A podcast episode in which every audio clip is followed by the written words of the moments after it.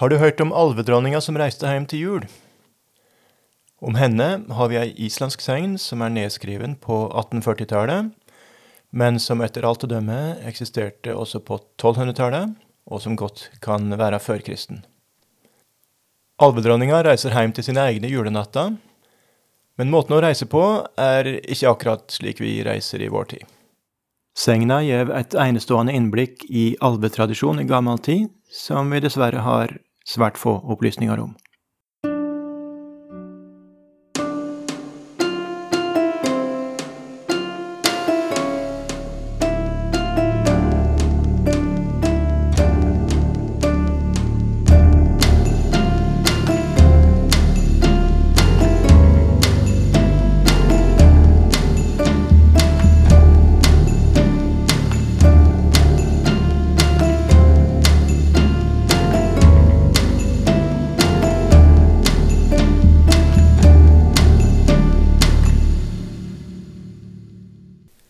Velkommen til podkasten Tru og meining i gammal tid.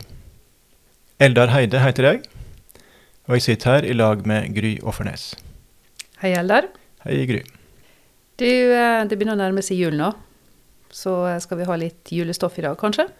Nå blir det julestoff. Vi skal snakke om ei segn om ei eh, alvedronning som måtte være hos mennesker, men som fikk lov til å reise hjem til sine egne akkurat julenatta. Du, Eldar, før du går videre, segn, eller sagn, som jeg vil si. Hva er det igjen? Kan du repetere det? Ja, det er jo til skillnad fra eventyr, det er særlig den motsetningen der vi, vi Eller kontrasten der vi, vi, ser på. Og da eventyret er jo sånn med markører Det var en gang i et land, land langt borte. og sånt, mm. Så det er noe allment som, som bare Det er nettopp markert at det ikke er her mm. eh, en stad som vi kan peke på. Men segner hevder sjølve, eller tradisjonen hevder, at segnene er, er, sanne, og at for det der det markører omvendte, at en sier det skjedde på den gården, mm. ved den, staden, nei, den steinen. Mm. Uh, det type ting. Og det kan uh, Noen segner er historiske, hvis det er om, om uh, kan være drap og slagsmål og, mm, mm. og den slags. Men, uh, og segner ofte om noe overnaturlig, og da vil mange, si, mange mene at da, da er det naturlig lenger. Ja, da, da, da har en passert grensa for det mm, som, som mm. kan ha skjedd. Mm. Men i hvert fall stedsbundet, da. Ja. Vi må si litt om Alvar uh, som bakgrunn. Vi skal ha en egen episode om Alvar seinere, så, så, helt sånn uh, kort uh, nå. Ordet alv, alvar, er fellesgermansk, og vi finner alvetradisjon både fra seinere tid og mellomalderen fra mesteparten av det germanskspråklige området.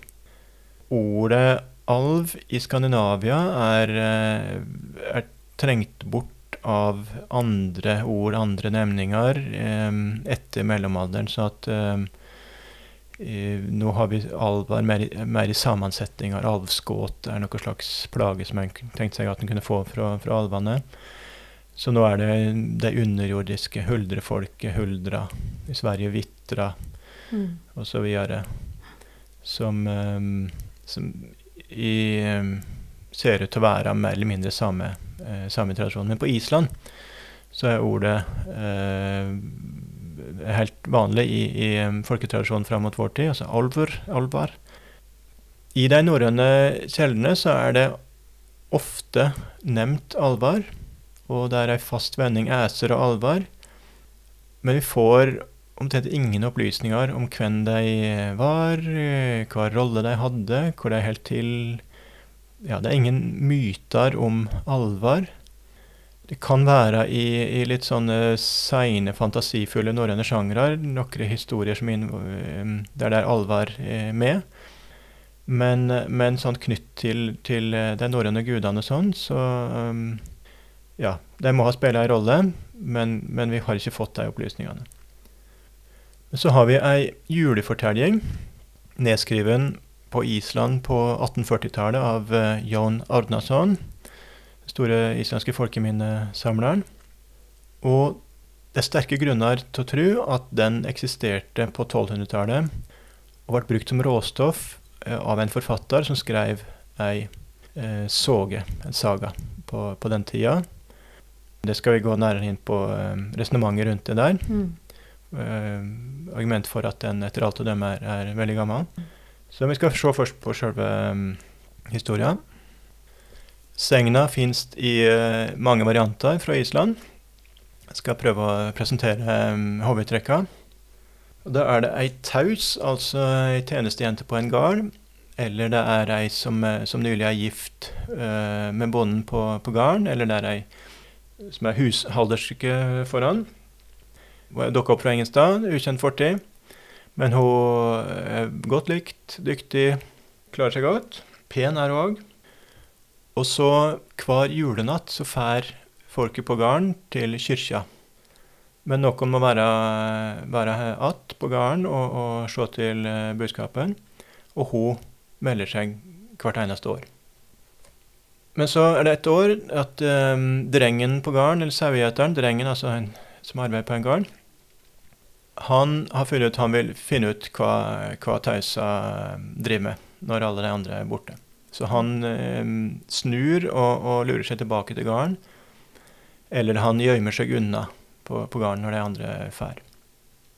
Og da får han se at Tausa tar med seg en pels, eller en duk, eller et klede, eller, eller to. Altså et par av disse tinga.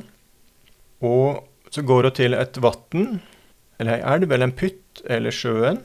Der, er, er dette her ulike historier nå, når ja. du sier det? Ja, det er varianter. Det er varianter av samme historie. Ulike deler av Island. ja. Der breier hun ut kledet og går utpå det, og så forsvinner hun i dypet. Stående på det som på et flygende teppe ned gjennom, ned gjennom sjøen. Eller så tar hun kledet på seg over hodet, eller skinnfellen, eller hva det var hun hadde med seg, og hopper uti. Mm. Så fikk hun over til en annen verden, da, som vi har snakka om tidligere. Ja, mm. ja. Og enten så legger hun att det andre kledet, og så tar gjeteren det og gjør likeens som hun, eller så lurer han seg til å stå og stille seg ut på et, en, et hjørne av det kledet eller den duken som hun mm. står på. Mm. Og så får han lurt seg med. Så han er tydeligvis uh, usynlig mm. i den sammenhengen. Mm. Og så fer den ned gjennom vannet, og det er som å vasse i røyk eller skodde. Men så er det varianter der tausa kan gå til ei grop eller et hull. Så breier hun ut kledet der eh, og går ut på det og fer ned tilsvarende, eller hun bare hopper ned i hullet. I to varianter så er det da helt, helt annerledes, med den færa bort fra, fra gården. I den ene så legger hun et beksel, et magisk beksel, altså som på en hest, legger hun det på, på drengen. Så det er helt annerledes enn i de andre variantene. Og så rir hun på han. Eh, på han. Det er svært motiv i islandsk folketro med, med sånn gan, gandreid. Mm. Eller altså ganritt, noe slags overnaturlig ritt på, på, folk eller fe eller gjenstander. Og så rir hun han til ei grop, eh, som hun da forsvinner ned i etter å ha bundet gjeteren, men han kommer seg løs, og så drar han etter henne. Og I den andre avvikende varianten så går tausa eh, ned til et stort vann, og der gnir hun noen hansker mot hverandre. Og da blir det bru over vannet, så går hun over den. Og når hun eh, over på andre sida, så virker det som hun går ned, sånn gradvis ned i bakken. og Forsvinner ned i bakken. Men iallfall, enten de drar på en eller andre måten, så kommer de til et land der det er ei borg eller en hall eller en storgard, og der er det gjestebå, og tausa går inn. Og blir fagna ønsker velkommen av alle og setter seg i høgsetet. Attmed kongen, Mm. Hun er tydeligvis dronninga mm. i det, dette andre landet, enn andre, mm. andre verden. I Gilde der så er det fint og kostesamt med vin og sølvstaup og, og framifrå god mat. Men gjeteren han får lurt seg til den ringen. Klarer å ta fra dronninga den ringen som hun har på, på handa. Eller så er det da et helt underfullt feit sidebein som, hun, som han får tak i av gjestebåsmaten. Dette var jo en tid der feit mat var mm. Dess feitere, dess bedre. Sånn som under krigen her, folk vi brått måtte leve av den maten vi kunne dyrke her i landet, så var det jo fetthunger. Mm. Snakk om folk fikk for lite feit, lite, lite energi. Så her var en gullring eh, jevnbyrdig med et fett ribbein her, da? Ja, så det er jo en funksjon her da, som uh, han uh, lurer med seg noe, og, mm. og det skal vi se her etter hvert. For da de drar hjem uh, utpå natta, Tausa drar uh, på, på, sitt vanlige vis tydeligvis, og han får lurt seg etter henne. Mm. samme veien som de kom. Og så neste morgen så forteller gjeteren, eller drengen, forteller resten av huslyen hva han har sett om natta. Så han konfronterer henne. Og da legger han fram ringen, eller dette feite sidebeinet, Mm. eh, som, som jartegn, som bevis. Og da viser det seg at Tausa er ei alvedronning, Alva-drottning, som har fått, fått den forbanninga lagd på seg at uh, hun alltid skal være i, i menneskeverden, bortsett fra julenatta. Da Mm. kan hun få lov å fare hjem til sine egne i alvheimar, alveheimane. Og slik skal det være inntil en mann eh, av menneskesorten følger henne til, til alveheimene. Mm. Og det har nå skjedd, så dermed er hun løst fra forbanninga. Så, Ja. da, så da ender det med at alvedronninga drar hjem til sine samme veien som julenatta, og at gjeteren får lønn for å ha frelst henne. Men du Eldar, du sa i begynnelsen at, um, at eh, dette her sagnet her, det var nedskrevet på 1840-tallet, men det var mye eldre enn det. Hva er det du um, tenker på da? Hva er det du kan få bevis for i forhold til det? Mm. Ja, og da er det to steg, men det, og det ene er jo med en gang det at um, det er ferd til kyrkja julenatta. Og det er nok snakk om den katolske skikken som vi fremdeles finner i katolske land, med midnattsmesse julenatta.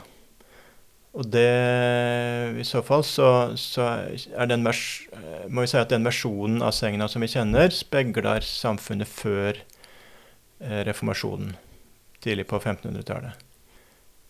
Det er nå det ene. Det er ikke noe sånn knusende, men det er et, det er et argument. Men så er det særlig det at uh, vi har mye av den samme historia i ei såge, Islands såge fra, fra 1200-tallet. Den heter Totten om Torstein Bøjarmagn, og tott det er ei småsoge, en sågestubbe, ei lita såge. Den er ikke så kort, så det er litt pussig egentlig at den blir kalt for, for tott, men, men det er det tradisjonen eh, sier. Og den hører til sjangeren fornaldersoge, som i prinsippet da forteller eh, den islandske sjanger, men og forteller om tida før utvandringa til Island, altså før Harald Hårfagre på ja, 1870-tallet og, og rundt der. 1870. Eh, 800 Altså eh, før Harald Hovefagre på, på slutten av 800 800-tallet. Ja. Den totten her, eh, om eh, den Torstein Bøyarmagn-totten, den har handling under eh, styringstida til Olav Tryggvason, altså slutten av 900-tallet.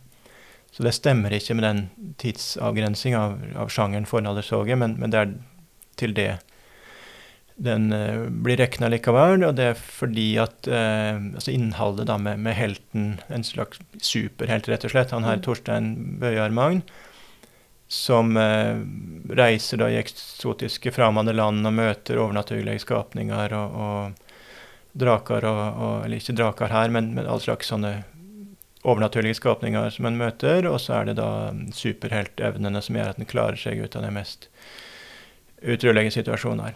Mm. Så det stemmer med sjangeren på, på den måten.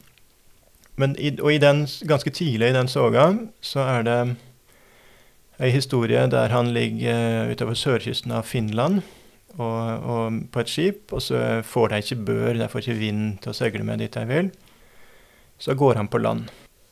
Og så går han inn i, i skogen der, og så kommer han til ei glenne. Og på glenna så er det en, en haug. Og så ser jeg at det er en snauklipt gutt oppe på haugen, og, gutten eh, på haugen roper ned i haugen, tydeligvis er det noen slags åpning eller sjakt der. Da sier han, 'Mor, gi meg krokstaven min og bandvottene mine, for jeg vil fare på gandreid. Nå er det høgtid i underheimen.' Og da blir det slengt opp fra haugen en krokstav som ser ut som ei eldrake. Og gutten stiger opp på staven og tar på seg vottene, og så sporer han som om han, han rir et, et dyr. Eller en kjepphest, er det vel eh, vi kan kalle det. Og så fyker han i vei gjennom lufta. Og Torstein, helten vår, han går bort, straks etter bort på haugen og sier det samme som gutten, og da får han sendt opp eh, en annen stav og et annet par votter, og så med spørsmålet da hvem er det her nå? Jo, det er Bjalve, sønnen din, bløffer han. Og så han opp, stiger han opp på staven og rir etter der som gutten for uh, føre. Og De rir gjennom lufta til de kommer til ei elv. Den kaster de seg ned i. Og så står det at det var som å vasse gjennom røyk. Så lysner det, og de kommer fram en stad der ei elv faller fra noen hamrer. Og De ser ei stor bygd og ei borg. De går inn i hallen i borga, og der er det stor fest og fullt av folk som drikker vin av sølvstaup, og alt ser ut til å være av gull. I høgsetet sitter en konge og en dronning, og så kommer det en sendemann fra en jarl i et fjell i India. Og han sier at han er en huldomadr, altså en av, av huldrefolket, de underjordiske, underjordiske da, som er det samme som, som alvene, mer eller mindre. Og sendemannen gir kongen en gullring. Og den og en eh, brodert duk får uh, Torstein, lyst på, uh, Torstein lyst på, så han snapper det til seg og springer. Og da har han tydeligvis vært usynlig fram til da, men blir synlig akkurat der når han stjeler duken og, og, ringen. Så springer han da med hele, hele festlyen etter seg, og så kommer han til elva, men der blir stående fast, for han glemmer krokstaven. Mm i hallen. Og så blir han stående der og, og slåss og verja seg og, og dreper masse folk. Og så kommer da kameraten han, som han følger etter, kommer staven, og så kommer de seg opp igjen eh, samme veien som de kom. Så her var det han eh, gutten som kom og hjalp han, altså? Ja. Ah. Da er det jo lett å, å, merke at her er det de historiene har veldig mye felles. Mm. Og faktisk så er det Jeg kan sette opp ei liste. Da er det 10-11 punkt i samme rekkefølge. 10-11 motiv eh, som er til dels veldig spesielle, sånn som det her med å ri på krokstaven i Gandreid, brukt i begge tilfeller. Det med vottene, selv om det var bare noen av eh, segnversjonene. Mm. Så um, veldig spesielle eh, motiv, i samme rekkefølge da, gjennom en sekvens på 10-11. Mm. Så det er vanskelig å tro at det ikke er en sammenheng. Mm. Og i og med at den totten er nedskrevet på 1200-tallet, og sengen på 1840-tallet, så er det jo Det første en tenker, er jo at OK, men da er Segna basert på totten. Mm. Mm. Ja. At uh, totten har overlevd da, i, i munnlig tradisjon, mm. eller den delen av totten overlevde i munnlig tradisjon, fram mot uh, vår tid. Mm. Men hvis en ser nærere på, på innholdet, så blir det vanskelig å, å tro. Mm. Og det er, hmm? Ja, OK. Ja. Da er jeg spent. Og det er fordi at det er så i, i Segna så er det logisk sammenheng. I Totten så er det veldig mye som henger dårlig sammen. Og da kan en forklare det som henger dårlig sammen i Totten, forklare det med at ja, det er tilpassing til ei fornadersoge. For at det skal stemme med sjangerkrava. I ei fornadersoge så er det endra. Eh, F.eks. det med å skifte ut alvedronninga med en annen gutt, annen mm. kriger, ja, men det er jo nettopp det. I fornaldersoger så er det sånn. Eh, ofte to kamerater som reiser rundt og, og slåss og, og, risikerer livet for hverandre, mm. opplever eventyr. Eh, så eh, det er eh, mm. passer i, mm. som tilpassing til fornaldersoget. Og så er det det med mm, I Segna, så når han stjeler den ringen eller det feite sidebeinet, så skjer ingenting. Han er tydeligvis usynlig der hele tida. Mm. Men i Totten så blir han synlig. Mm. For å få til en kopp? Ja, det kan jeg lure på. Mm. Det er, eh, og, det er, helt umotivert. Det står ingenting om at oi, og der forsvant Der mista han usynlighetskappa eller noe sånt. Det er mm. bare Helt umotivert blir han synlig. Uh, og, så, og, det er nettopp, for Hadde ikke det skjedd, så ville det ikke ha vært noen kamp i mm. hele den mm. delen av, av Totten. Mm. Og så var de plutselig venner, han gutten og han uh, ja. Det er også, også pussig, for det er egentlig ganske frekt av Torstein å snike seg etter han andre uh, karen. Så det ville egentlig vært naturlig om han andre ble litt sur. Mm hva er det her for noe? Mm. Egle deg inn på meg sånn. Mm. Men, men, så i stedet risikerer han livet for Torstein. Mm. Og så er det, som jeg ikke sa her, men, men, når han da kommer opp til Haugen, så forteller han mora da at ja, nå har jeg eh, vært i lag med Torstein Bøyarmagn, og forteller masse om Torstein. Som en må lure på ja, hvor i alle dager har han det fra? Mm. Dette er jo så langt unna der Torstein bor, og, og det virker helt umotivert. Mm. Men ikke minst så er det jo motiveringa for at ting skjer For i eh, Segna så er det Hvorfor blir denne Hvorfor drar de på denne ferda? Jo, det er fordi at hun skal hjem til jul. Den eneste sjansen hun har i året. Det er en veldig opplagt grunn til at hun legger vei. Og drengen følger etter henne, for han skal finne ut hva hun gjør julenatta. Veldig enkelt og greit. Og så stjeler han ringen eller det sidebeinet for å ha til å legge fram neste morgen eh, som eh, bevis eh, for at han var der og så det han så. Mm. Henger veldig fint sammen. Men i, eh, i Totten så er det um, helt umotivert at han møter den andre gutten, og eh, han bare slenger seg i vei. Altså, og så hvorfor den andre gutten gjør den ferda, helt umotivert. eh, Sånn for moro skyld, virker det som. Bare eh, som å kjøre seg en tur på motorsykkel eller noe sånt. Og, og det med å stjele den ringen i Totten, ja, hvorfor det? Nei, det er ingen spesiell grunn til det. Sånn som i, i Segna, så er det en veldig klår og grei eh, Mm. grunn. Så det du da sier, det er at, at sagnet om alvedronninga den må helt klart ha kommet først. Eh, før da historien om, eh, om Torstein ble, ble funnet opp, eller skrevet ned. Ja. Er, eh, jeg har argumentert for det her i en artikkel fra 2018.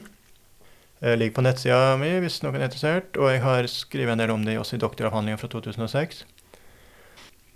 Og, og det resonnementet er nettopp at det gir så mye bedre mening hvis eh, Segna var primær. At det, den ble brukt som råstoff av forfatteren av Soga på 1200-tallet. Og det passer også med det at eh, resten av, i resten av Soga, eller Totten om en del, det kan kalles begge deler, så er det masse annet mytologisk eller halvmytologisk stoff som er gjenbrukt.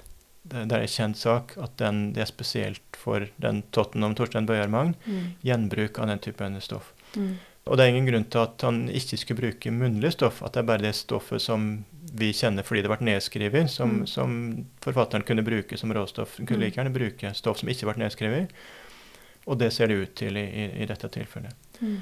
Så er det jo å resonnere bakover. Her har vi tekster nedskrevet på 1840-tallet, og sier noe om at, at dette må ha eksistert på 1200-tallet. Mm. En god del forskere vil si at det prinsipielt går ikke an. Men det er jo en sånn metodependel som svinger att og fram, og det er flere etter hvert som nå de siste ja, 10-15-20 åra som, som er mer åpne for at jo, det går an i visse tilfeller å resonnere sånn, at, eh, og sannsynliggjøre bakover eh, fra, fra yngre kilder. Mm. Og da, Den artikkelen fra 2018 kom ut i en bok utgitt av Daniel Sauborg og Karen Beck Pedersen. og Da hadde de tre konsulenter som vurderte det manuskriptet om, om det som vi snakker om her. Jeg går ut fra det var tre konsulenter fordi at det var kontro kontroversiell eh, metode, men alle tre konsulentene brukte ordet 'convincing' Mm. om resonnementet. Mm. Så at eh, det, det er nok ganske rimelig å tro at det henger sammen eh, sånn. Mm. Men da lurer jeg litt på Når du da har på en måte fått dokumentert at uh, sagnet om uh, alvedronninga kom først, hva betyr det egentlig? Nei, det betyr jo, som jeg sa, at uh, i de norrøne kjeldene masse, uh, mange ganger at alvene er nevnte, men de får ingen opplysninger Mm. om dem. Men her har vi en hel lang fortelling. Du kan si at De elementene i segna, Mm. som vi også finner i Totten fra 1200-tallet, Mm. de eksisterte etter alt å dømme i ei segn på Island på 1200-tallet. Akkurat. Så dermed har- så har vi da en, en sagn om alvene. Jepp. Ja. Da har vi ei segn om alvor på eh, 1200-tallet, og så kan jeg resonnere videre. Ja, kan det også være fra førkristen tid? Dette er jo et par hundre år etter kristninga. Mm. 250, opp mot 300 år etter kristninga, kanskje. Mm. Og det med kyrkja julenatta, ja, men det er jo Da er det kristen tid, det er klart. Men julefeiringa er jo fra førkristen tid. Det var ei, ei stor høgtid, kanskje den største i året, var på den tida. Mm. Sjøl om kjeldene våre er litt eh, knappe der. Men det var romerne, romerkirka, før kristendommen kom hit opp, Mm. som eh, erklærte at Jesus ble født på den tida av året, slik at en skulle eh, omdefinere den førkristne høgtida som en hadde Mm. på den tida av året, så at Mm. dette er Jesu fødsel. Mm. Og tilsvarende må vi ha hatt ei svær høgtid på den tida året her oppe. Mm. Så, så da kan den sangen ha blitt litt eh, forandra fra å være en, en, eh, en, en høgtid midtvinters en gang, der folk måtte fære fra gårdene sine, blitt til en, en eh, julemesse. Ja, for da, men da må det være et annet motiv for å Færre fra gården. Nettopp. Ja. Og det har vi, for det, og i massevis av tradisjoner vi har her i landet, så er det jo um, kjetta på Dovre, som står i, i samlingene til Asbjørnsen og Moe. Mm. Det er akkurat det at uh, folket på en viss gard måtte fare hjemme fra julenatta, for da skulle trolla Mm. inn der og, og feire jul. Mm. Og det er tradisjon som vi finner mange steder i landet, Mm. og eh, andre steder også i, i Nord-Europa. Så, så det med motivasjonen for å forlate uh, gården julenatta, ja, det, det har vi gjennom den andre sengtypen som Og hvis du ser de to i sammenheng, dette er ikke noe som kommer i Bibelen. Det er ikke sånn at det er et bibelsk motiv som har, som har etablert seg i folketradisjonen. Det er tvert imot noe som Hvis du skal forklare det, så må det være at det, er noe som var her før kristendommen kom, og som overlevde, som gikk under radaren fordi det det er noe um, Hvis du ser på kristendommen, altså den store motsetningen Gud og, og djevelen, så er dette noe annet. Mm. Det lokale maktene i det lokale landskapet og alt det her eh, som, som er tydeligvis fikk være mer eller mindre fred for kirka, fordi de ikke oppfatta det som noe En konkurrent. som nettopp. Mm. Ikke, at det utfordra ikke sjølve det kristne kjerne, Som kjernetanken. f.eks. Odin og Thor. Odin, særlig Thor, faktisk fikk å overleve Mm. mye i folketradisjonen fram mot, mot vår tid. Men Odin blir definert som djevelen, i- serien Ja. ganske raskt. Men ellers er det jo interessant med den alvedronningsegna at det er motsatt retning på færa av det som er vanlig. For det er massevis av segner om at det kommer da huldrefolk, eh, troll, hva det er slags overnaturlige, kommer til en viss gard for å feire jul der. Men her er det jo andre veien. Mm. Der er ei um, alvedronning, altså ei av huldrefolket, som er på en menneskegard og drar andre veien Mm.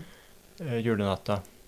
Så om det mm, var, var et vanlig motiv for den veien, eller om det tvert imot var en vri, som er en sånn fiks eh, vri på, på det svære motivet da med at en fikk besøk fra, det er jo fra den andre verden. Mm. Julenatta. Det er ikke godt å si. Ja, men det er jo en um, uansett en artig parallell til det vi driver med i dag, å reise hjem til jul. Og så kan vi jo misunne henne måtene som hun kunne reise på. Det er jo ville vært enklere å kunne Hoppe ned i eh, fossen eller sette seg på et klede og Ja. fyke av gårde. Ja. Det er jo sånn litt, litt flygende teppe nå hvis det er en trør ut på duken, og så, Mm. og så fyker vei. eh, Selv om det er ned gjennom vann som er som skodde eller røyk. eh, Men da krokstaven kan dre gjennom lufta. Mm. Jeg tenker vi kan være fornøyd med å satt oss i bilen. Ja. I bilen, ja. Tog, fly. Eller så er det jo andre inn, Helt sånn så vidt inne på andre motiv her òg, med, med hamskifte når du tar skinnfellene over seg. Så eh, er det naturlig å se det i lys av det med å skape seg om til, til dyr. Eller noe slags annet som, som kan fare lange veier. Men det er kanskje pleddet som en tar over seg eh, når en skal sove på flyet. Og vente Mm. på at en eh, er framme. Mm. Ja, da um, skal vi kanskje runde av. Ja. Så er det mer som vi må ståke med for å bli klare til jul. Det er Så vi kan reise. Ja. Takk skal du ha, Eldar. Takk for praten, Gry. Du har nå hørt en podkast fra Høgskolen på Vestlandet. For å høre flere podkaster, besøk hvl.no slash podkast.